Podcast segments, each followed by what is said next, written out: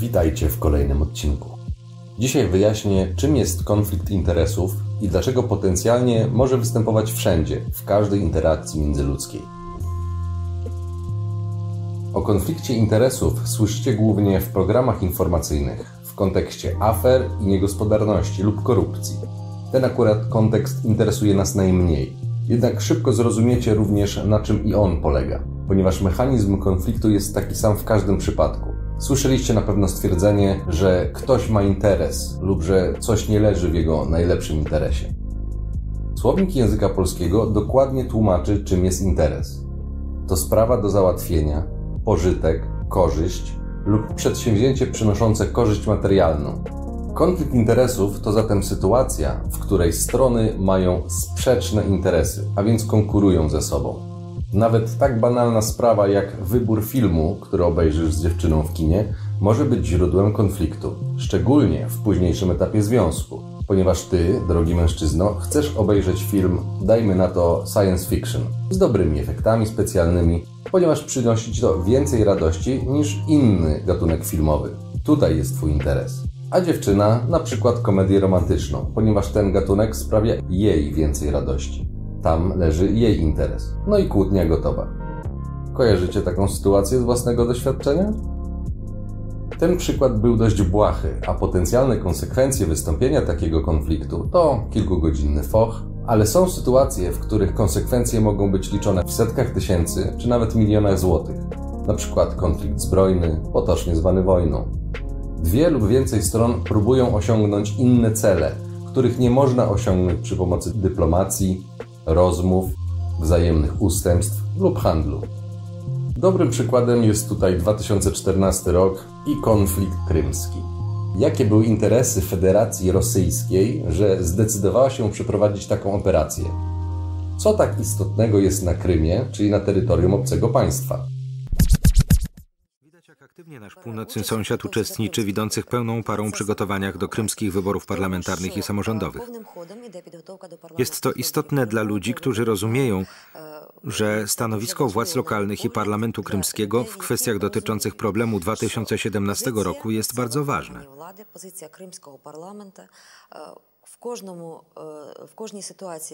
Dlatego, że flota czarnomorska nie znajduje się po prostu w Sewastopolu. Czemu? Тому що Чорноморський флот він не сидить просто в Севастополі, це не локальна Nie jest to lokalna zagraniczna baza, jakiś teren otoczony płotem na podstawie jakiejś umowy, jak to się często na świecie zdarza. Flota czarnomorska jest porozrzucana po całym wybrzeżu, dlatego potrzebny jest cały Krym. Zainteresowanie Kremla na razie koncentruje się na Sewastopolu, głównej bazie rosyjskiej floty czarnomorskiej na Krymie. Sewastopol to jest wojenna baza morska, droga rosyjskim sercom nie mniej niż Portsmouth i Plymouth Brytyjczykom czy Pearl Harbor Amerykanom. Kwestia ta została nierozwiązana i my ją będziemy rozwiązywać. Będziemy ją rozwiązywać na korzyść interesu państwowego Rosji, w imię jej prawa do morskiej bazy wojskowej. Sewastopola. I gdy już się wydawało, że wszystko jest gotowe do planowanego przejścia Ukrainy pod protektorat Kremla w 2014 roku, Kijów jakoś nie w porę wyskoczył ze swoim Majdanem. A zgadzający się na wszystko Janukowicz ze strachu czmychnął do Rostowa, niszcząc jednocześnie subtelne plany powrotu Małorosji do imperium. Krótko mówiąc, przyszedł czas, by wymusić na Ukrainie pokój. Zdecydowała Rosja i wysłała na Krym zielone ludziki.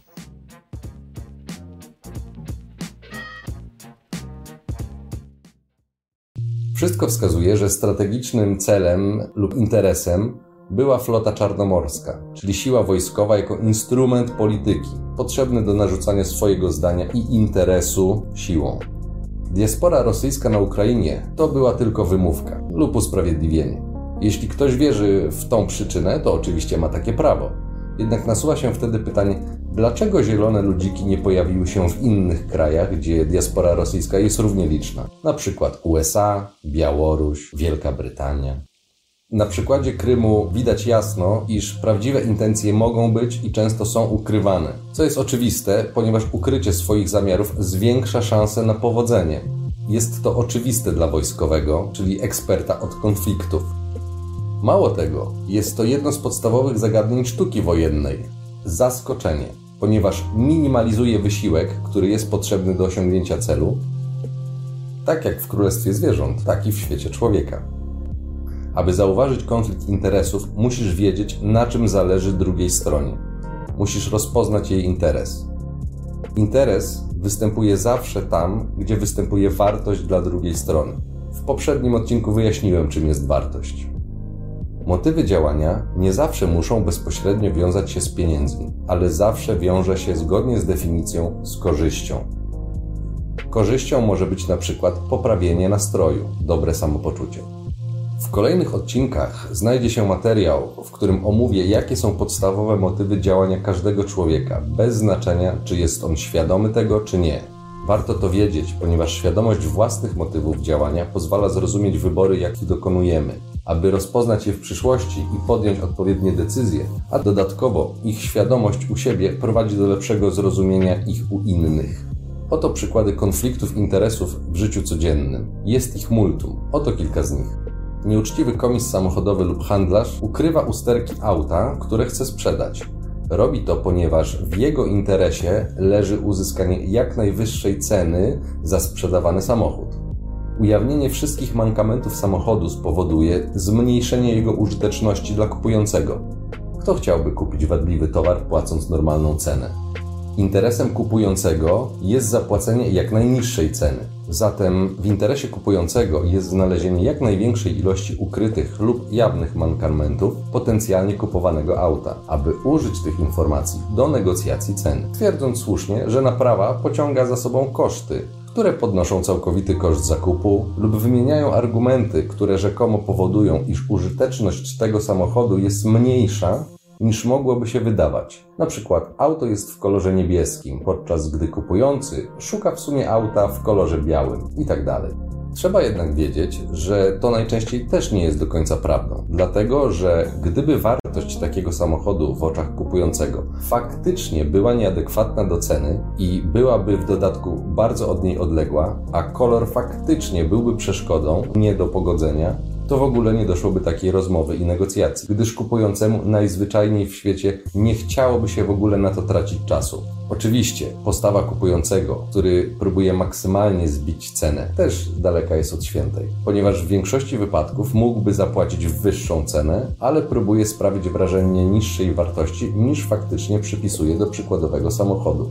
Nie ma co obrażać się na rzeczywistość. Po prostu tak wyglądają zasady gry auto bezwypadkowe. Dzień dobry.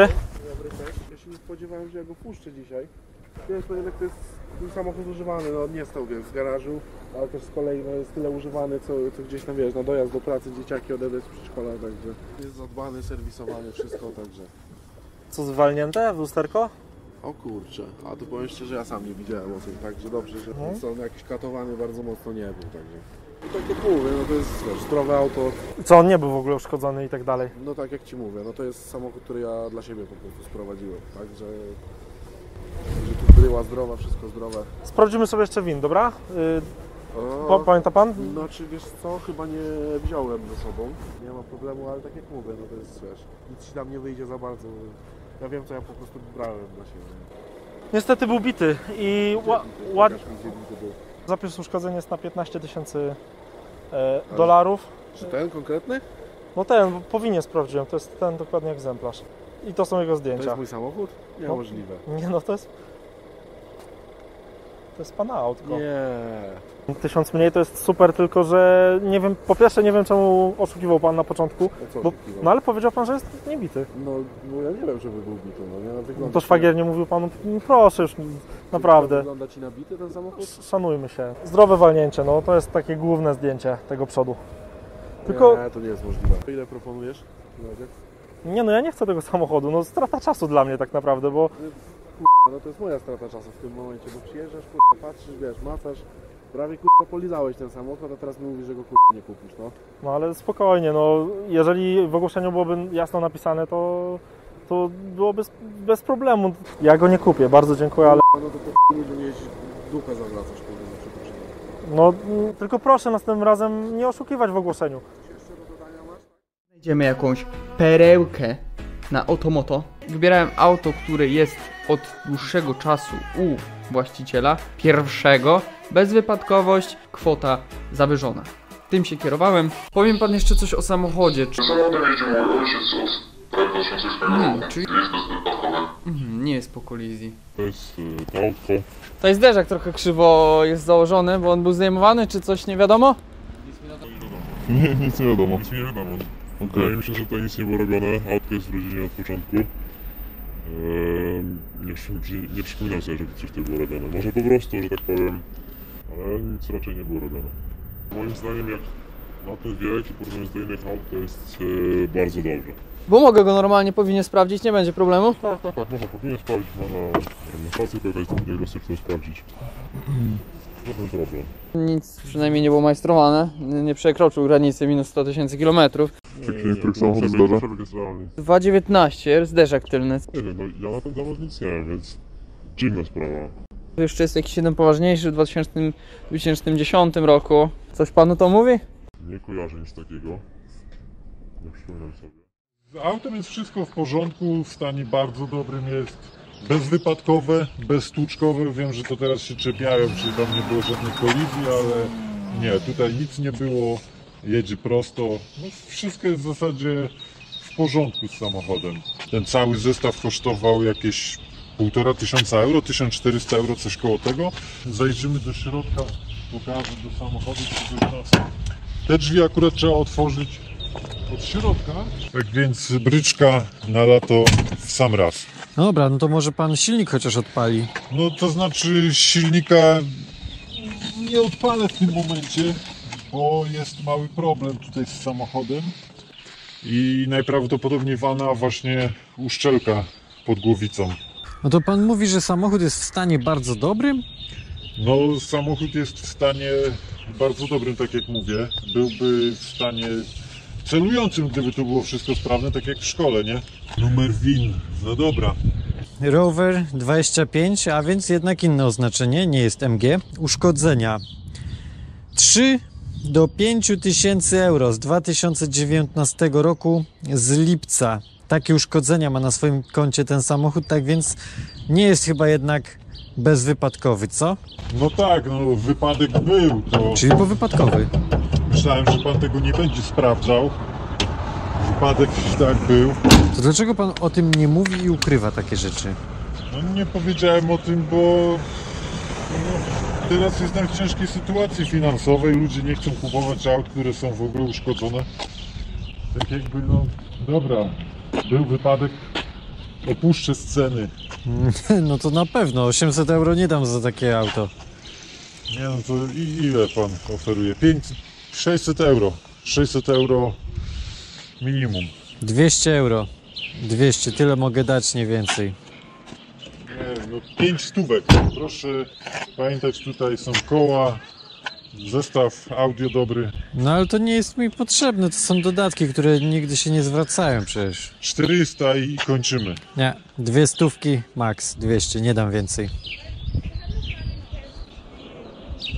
No dobra, gotówką dzisiaj. Ostatni przykład ilustruje przy okazji poprzedni odcinek o podaży i popycie. Zwróćcie także uwagę na takie same tłumaczenia się sprzedających, gdy ich słowa zostały skonfrontowane z historią pojazdu. Być może nie wiedzieli o szkodach, ale uważam, że to mało prawdopodobne, ponieważ w ich interesie leży ukrycie takich informacji. Czy gdyby sprzedający wiedział, że auto jest bezwypadkowe i rzeczywiście warte 600 euro, czy tak szybko i chętnie opuściłby cenę? Czy może poczekał na innego kupującego? Odpowiedzcie sami na to pytanie. Zauważcie też pewien schemat użytych słów i tłumaczeń. Jest on w zasadzie identyczny i polega na przerzuceniu odpowiedzialności oraz w przypadku Forda nawet agresja słowna i próbie wmówienia, że cała sytuacja to wina kupującego, czyli klasyczne odwracanie kota ogonem. Schematom zachowań poświęcę osobny odcinek, ponieważ jest to bardzo ważny temat, o którym musicie wiedzieć. Ze względu na to, że pomoże Wam w rozpoznaniu takich schematów, a dzięki temu rozpoznacie intencje innych ludzi bardzo szybko. Konflikt interesów w rodzinie czy w związkach może mieć różne oblicza. Na przykład, kiedy małżonkowie mają inne wizje dotyczące wychowania dzieci. Jedno z małżonków pragnie wychować dzieci w duchu surowej dyscypliny, drugie w sposób bezstresowy, bez wyznaczania żadnych granic. Obydwa te cele wzajemnie się wykluczają i nie są do pogodzenia. W wizji obojga małżonków takie sposoby wychowania przynoszą większe korzyści, dlatego je preferują. Upieranie się obojga przy swoim stanowisku i brak osiągnięcia jakichś wzajemnych ustępstw gwarantuje konflikt, dlatego że taka sprawa będzie miała dużą większą wartość niż na przykład wybór seansu filmowego. Wreszcie w przypadku rozwodu pojawia się już jawny i niemożliwy do ukrycia konflikt interesów. Interesem małżonków jest przede wszystkim podział ewentualnego majątku oraz zabezpieczenie transferów finansowych w postaci np. alimentów oraz zachowanie jak największej opieki nad dziećmi. Jeżeli małżonkowie są w stanie pokojowo porozumieć się co do tych kwestii, to najbardziej wygodna sytuacja dla nich. W przeciwnym razie mamy wszystkie przesłanki potrzebne do konfliktu, czyli rywalizacja o ograniczone zasoby, gdyż jest skończona liczba dzieci w rodzinie, a majątek wypracowany ma również ograniczoną i skończoną wartość. Nawet jeżeli na początku relacji interesy ludzi czy graczy są zbieżne, to niestety nie ma żadnej gwarancji, że z biegiem czasu preferowane wartości nie ulegną zmianie, co w rezultacie może skończyć się na przykład batalią sądową lub że prawdziwe intencje były trzymane w ukryciu w celu wprowadzenia drugiej strony w błąd. Przykładem takim są oszuści matrymonialni, których realne cele są różne od deklarowanych, a nie mający wiedzy partnerzy, kobiety lub mężczyźni, wpadają w sidła takich oszustów. Gwarantuję, że takie osoby doskonale znają tematy, które tu poruszamy i wykorzystują je z pełną premedytacją, chociażby dlatego musisz wiedzieć. Konflikt interesów jest tak bardzo ważnym tematem, że w prawie rzymskim, czyli jednej z podstaw naszej cywilizacji, stworzono zasadę zrobił ten, kto skorzystał. Wskazuje ona, iż w przypadku przestępstwa ten, kto je popełnił, na pewno musiał coś na tym zyskać. Zawęża to krąg ewentualnych poszukiwanych, ponieważ jeżeli ktoś nie miał powodu, tak zwanego motywu, i nic na tym nie zyskał, prawdopodobnie nie dokonał przestępstwa. Jest to bardzo logiczne rozumowanie, bo czy ty, słuchaczu, sięgniesz do lodówki po przekąskę lub posiłek, jeżeli nie masz potrzeby jedzenia? Lub czy idziesz do sklepu po nowy komputer, jeżeli stary jest sprawny i spełnia swoje zadania? Lub czy rozważasz zemstę, jeżeli twoje wartości lub granice nie zostały przekraczone? Zapewne nie. Brak występowania konfliktów interesów dzisiaj nie oznacza, że taki stan rzeczy utrzyma się wiecznie. Mógłby, ale tylko w sytuacji, gdy cele osób będą zawsze ze sobą zbieżne i nigdy się nie zmienią, lub gdy nigdy nie wystąpią wspólnie przeciwstawne interesy. Jeżeli interesy są wspólne, to nie ma powodów do zdrady czy działania na szkodę. Wspólne interesy mogą się zawiązywać w formie koalicji czy sojuszu, ale musi występować wspólnota interesów. Historia XX wieku daje przykłady trwałości sojuszy. Trwa on do momentu, gdy interesy się pokrywają. Na przykład, wybuch II wojny światowej rozpoczął się od ataku Niemiec na Polskę. Nasi sojusznicy, co prawda, wypowiedzieli wojnę Niemcom, bo mieliśmy sojusz, ale realnych działań już nie było. Francja pozostała na umocnionych pozycjach linii Manginota i nie kwapiła się do zaatakowania Niemców od zachodu, gdy siły były zajęte w Polsce. Taki manewr natomiast wykonała Rosja, atakując Polskę od wschodu. Jednak już dwa lata później, kiedy Niemcy zwróciły się przeciwko ZSRR, polscy żołnierze zaczęli być potrzebni. Dlatego utworzono armię Andersa. Co się zmieniło od 1939 roku? Ano dotychczasowi sojusznicy, Niemcy i ZSRR, zaczęły walczyć ze sobą. Była potrzeba i w interesie aliantów było utworzenie takiej armii. Brytyjczycy cieszyli się, że mieli dodatkowe oddziały, jak na przykład dywizjony lotnicze, w tym sławny 303, czy pierwszą dywizję pancerną dowodzoną przez generała Stanisława Maczka. Dlaczego pomagali, dając sprzęt i zapasy? Ponieważ było to w interesie aliantów. Na wojnie lepiej mieć więcej dywizji niż mniej. Gdy pokonano Niemcy, potrzeba używania polskiego żołnierza zniknęła, Dodatkowo Rosjanie mieli silną armię w Europie, więc wspieranie Polaków przestało być w interesie zachodnich aliantów. Bo być może polskie wojsko chciałoby walczyć z Rosjanami, co groziłoby dłuższą czy kolejną wojną, więc sojusz się skończył. bo interes wspierających skończył się. Sojusze trwają tak długo, jak łączy wspólny interes. Rozpad wspólnoty interesów oznaczać może konflikt interesów, a wtedy decyduje ten, który może przekonać lub zmusić innych do realizacji swojego interesu. Kolejny przykład wspólnoty interesu to głosowanie nad podwyżką uposażeń dla posłów, prezydenta, pierwszej damy itd. Tak z sierpnia 2020 roku. Ustawa przeszła wszystkie trzy czytania w ekspresowym tempie. Posłom zajęło to raptem 7 godzin. Opozycja nie podnosiła tym razem żadnych sprzeciwów i krzyków o prędkości tworzenia prawa, zagrożeniu demokracji i generalnie nie widziała w tym żadnego problemu. Dlaczego? Ponieważ w partykularnym interesie każdego posła jest podniesienie jego dochodów. Dlaczego zatem część posłów głosowała przeciwko swojemu interesowi? Odpowiedź jest bardzo prosta. Ci z posłów, którzy nie zagłosowali za podwyższeniem sobie wypłat, w swoim systemie wartości, czy jak kto woli moralności, lub w swoim rachunku zysków i strat uważają, że są inne wartości, dla nich warte więcej niż ta podwyżka. Na przykład poparcie wyborców, demonstracja innego podejścia w celu uzyskania wyższego poparcia społecznego lub po prostu reprezentowali poglądy swoich wyborców, którzy generalnie są przeciwko takiej podwyżce, licząc, że będzie im to zapamiętane i zostaną wybrani na kolejne kadencje. Dopiero po krytycznych głosach i protestach tzw. Tak suwerena ustawodawcy zaczęli się wycofywać, ponieważ zdali sobie sprawę, że rozzłościli swoich wyborców, a to już nie jest w interesie posłów. W rachunku zysków i strat kilka tysięcy złotych miesięcznie jest mniej warte niż wybór i kolejne lata sprawowania mandatów. Konfliktów nie da się uniknąć, ponieważ zawsze jest jakiś interes. Musicie nauczyć się je rozpoznawać, gdy zaistnieją. To z reguły wcześniej czy później staje się oczywiste, gdy zaczyna się walka i zaczynacie ponosić straty. Dlatego najlepszym sposobem na radzenie sobie z konfliktem jest rozpoznanie jeszcze potencjalnego konfliktu, zanim do niego faktycznie dojdzie.